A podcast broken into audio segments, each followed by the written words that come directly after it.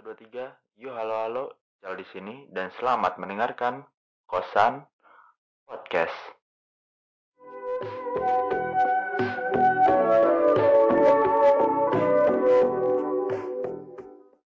Ya, kembali lagi sama gue Pascal di Kosan Podcast.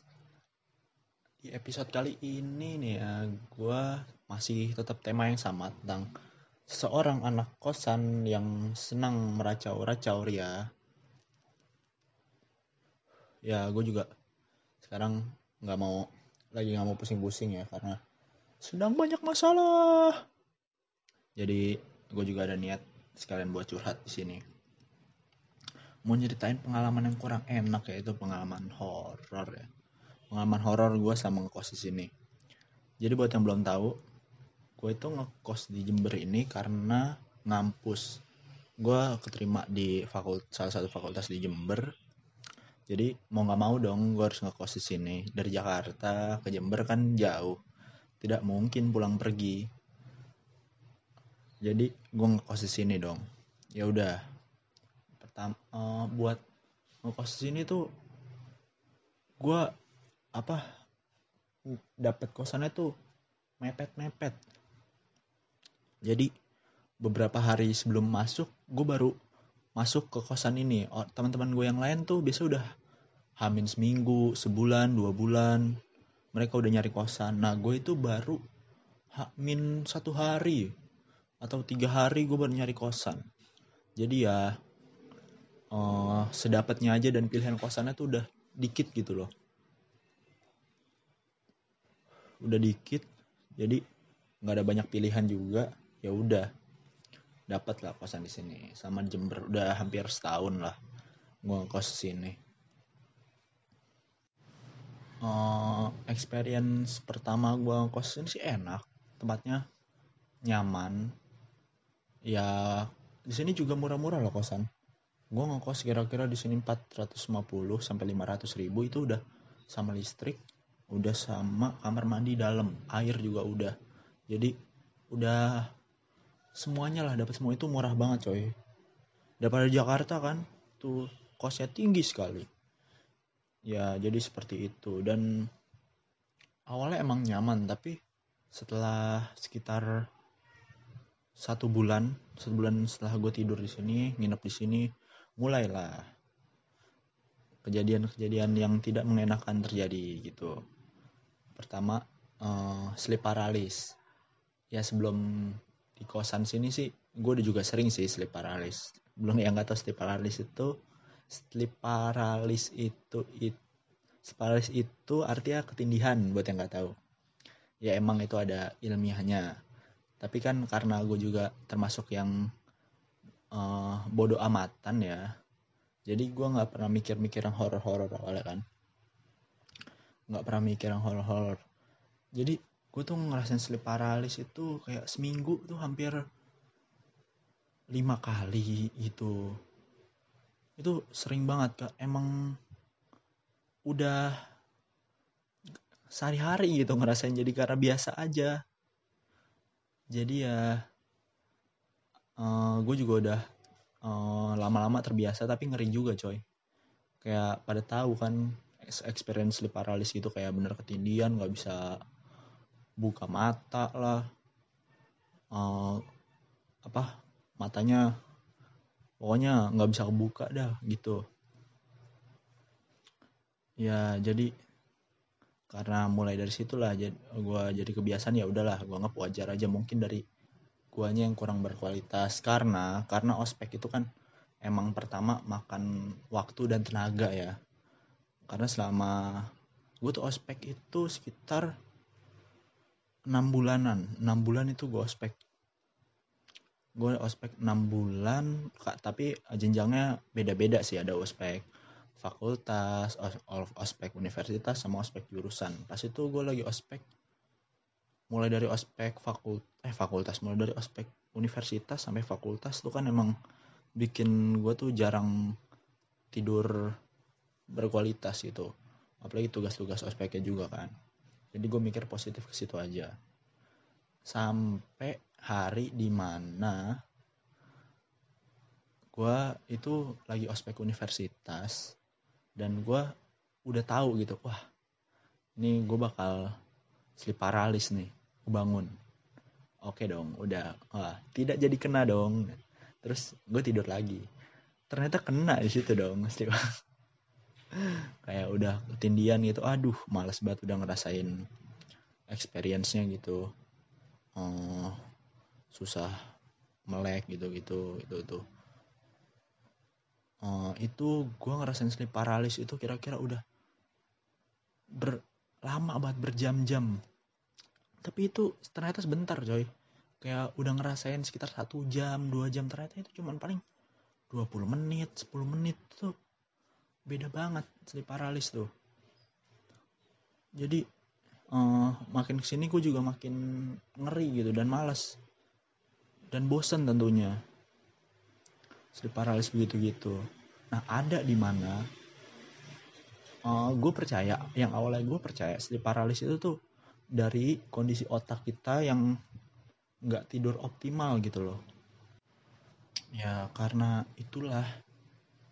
Jadi karena kurang optimal terus ngebuat otak kita jadi uh, setengah sadar lah mungkin kayak gitu. Tapi ada yang tidur juga jadi setengah sadar gitu loh. Jadi apa namanya uh, ada yang sadar ada yang enggak. Jadi ngebuat kita nggak bisa sadar juga nggak bisa benar-benar tidur juga kayak gitu. Tapi nih ya tapi gue pernah asli paralis kadang gue lagi tidur nah terus gue ngerasain wah ini kena nih. Udah dong. Dan itu tuh beda bos. Gue uh, setengah-setengah melek itu kayak ada yang niban. Jadi uh, wujudnya kelihatan gitu. Ya gue juga serem kan lama-lama kayak gitu. Uh, wujudnya kelihatan kayak di atas gue nih ban gue gitu. Jadi kan wah anjing lah. Bete banget nggak bisa merem. Itu kondisinya nggak bisa merem. Kayak kita tuh stay melek gitu loh. Gimana sih jadi gue benar-benar ngeliat itu rambut panjang rambut itu masuk ke mulut gue astaga itu tuh bener-bener ya jadi sleep paralysis terburuk di hidup gue sih. Jadi setelah itu bangun gue langsung minum dan gue nggak berani tidur lagi. Gue nggak berani tidur lagi gue ngetik-ngetik tugas ya udahlah gitu. Ntar ngopi dulu ya udah gue cuma ngetik-ngetik atau denger YouTube. Dari situ gue nggak takut sih sebenarnya nggak takut. Tapi kayak shock aja gitu. Ngerasain sleep paralysis yang kayak gitu. Jadi di antara dari kalian pernah gak sih kayak gitu? Gue udah sepositif mungkin dan gue tuh orangnya gak gampang tersuges ya. Biasanya orang tuh kena kayak gitu karena sugesti biasanya. Tapi kalau gue tuh orang yang gak gampang kena suges dulu emang gue penakut banget penakut. Setengah mati penakut diajakin nonton DVD setan mulu sama tetangga gue dikagetin terus. Emang gue tuh bulan-bulanan kalau soal kaget-kagetan ya. Tapi uh, mulai dari gua SMP itu udah ya udah gitu. Nggak nggak masalah. Tapi itu yang kemarin itu sih uh, sleep paralysis terburuk gua dan dari situ gua kayak nggak berani tidur sekitar dua hari mungkin dua hari. Dan alhamdulillahnya setelah dua hari itu nggak nggak kena sleep paralysis lagi sih. Tapi setelah itunya terkena lagi. Nggak tahu yang apa diri gue yang salah atau emang keadaan gue yang kotor gitu. Gue juga nggak tahu gue juga nggak tahu. Jadi ya apa? Gue juga bingung sendiri ibadah gue ibadah.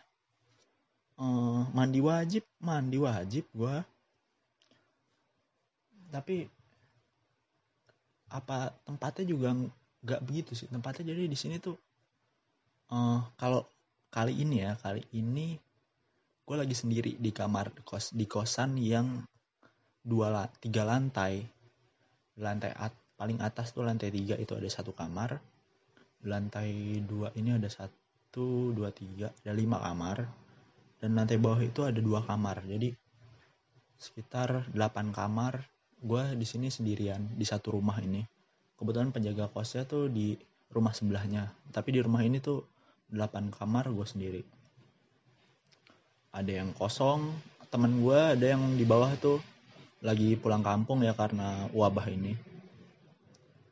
Jadi di kosan ini gue sendiri kali ini. Tapi alhamdulillah sih nggak ada gangguan apa-apa alhamdulillahnya.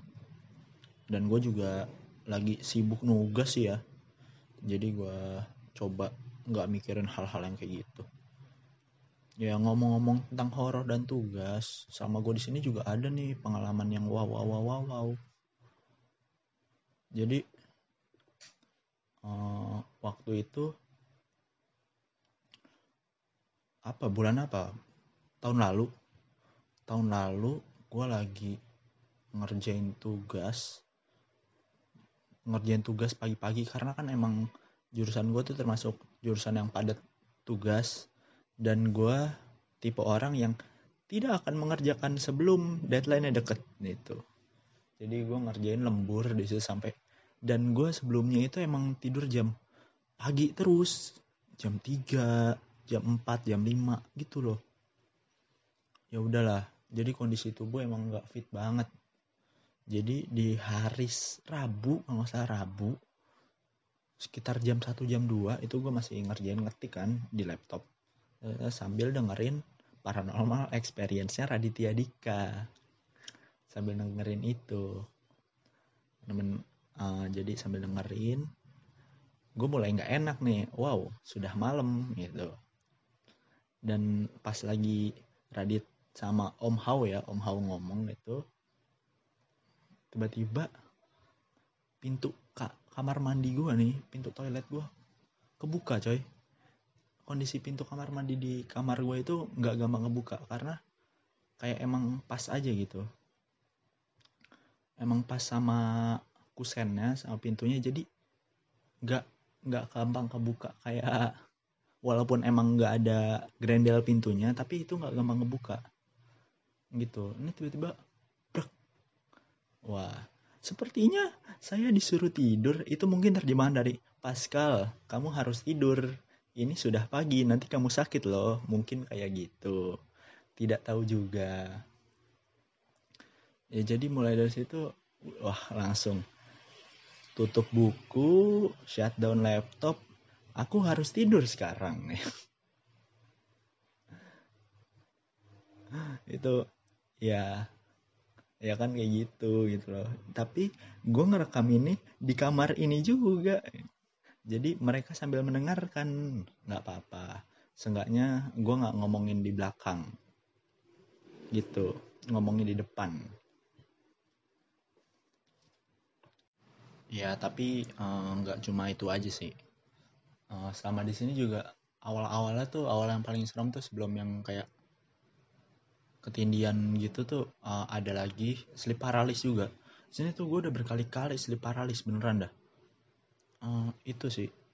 Jadi gue tidur tidur madep kiri menghadap kiri menghadap tembok dengan posisi biasa.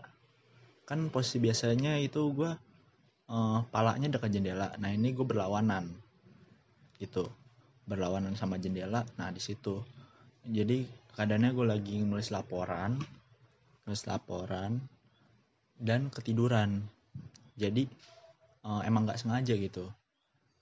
Gue tidur di sebelah meja jadinya. Sebelah meja gue sleep paralysis lah. Di situ tuh gue ngerasain kayak emang bener-bener kayak disentuh gitu muka. Disentuh kayak ada jari-jari yang merambah-rambah ke muka ke mata gitu-gitu. Terus uh, namanya sleep paralysis kita berusaha ngelawan dong kan biasanya. Gue dorong ke belakang gitu kayak ngenain sesuatu. Gue pikir pas uh, pas tidur itu oh kena meja nih. Kena meja kayak ngedorong gitu loh. Ternyata ternyata pas gue selesai nih meja jauh bro. Itu kayak meja meja tuh benar-benar jauh dari dari gue tuh bener-bener jauh. Kayak sekitar ada 60 sentian gitu. Itu bener-bener jauh. Jadi wah buruk banget sih itu. Pas awal-awal belum dapet yang lebih buruk. Ya buat pengalaman horor nggak tahu kenapa ya. Gue sendiri itu uh, termasuk orang yang dapat pengalaman tuh banyak. Nggak tahu emang bakat bakat menerima pengalaman punya yang kelebihan maka agak menerima pengalaman aja. Dan nggak asik sih itu semua beneran. Gitu sih. Ya oke. Okay. uh, video eh video. Audio podcast kali ini lebih pendek dari sebelumnya ya jauh lebih pendek dari sebelumnya. Pokoknya kalau emang mau uh, denger cerita horor gue selanjutnya lu bisa kalian bisa DM gue bisa ngomong langsung juga. Karena buat cerita horor sih gue termasuk banyak dan sampai di mana gue tahu gitu gimana cara ngerasain mereka. Ini gue bukan nerima wangsit dari mana atau apa. Aku punya kemampuan. Tidak tidak sama sekali. Tapi emang tahu gitu gue pernah ada di situasi itu karena karena dulu gue tuh suka banget sama hal-hal yang kayak gini. Kayak belajar tentang sleep paralysis belajar tentang lucid dream. Lucid dream tuh paling asik. Boleh juga di request kalau kalian mau dengerin. Karena pengalaman lucid dream gue juga lumayan banyak. Nggak tahu kenapa ya itu asik banget lucid dream. Kayak lu bisa ngendalin mimpi lu lu bisa ngapain aja di mimpi lu. Itu mimpi terasik lawan sleep paralysis itu. Oke jangan lupa di like dan di follow sosial media gue di pascal underscore d4 sekian dulu kurang lebih mohon maaf see you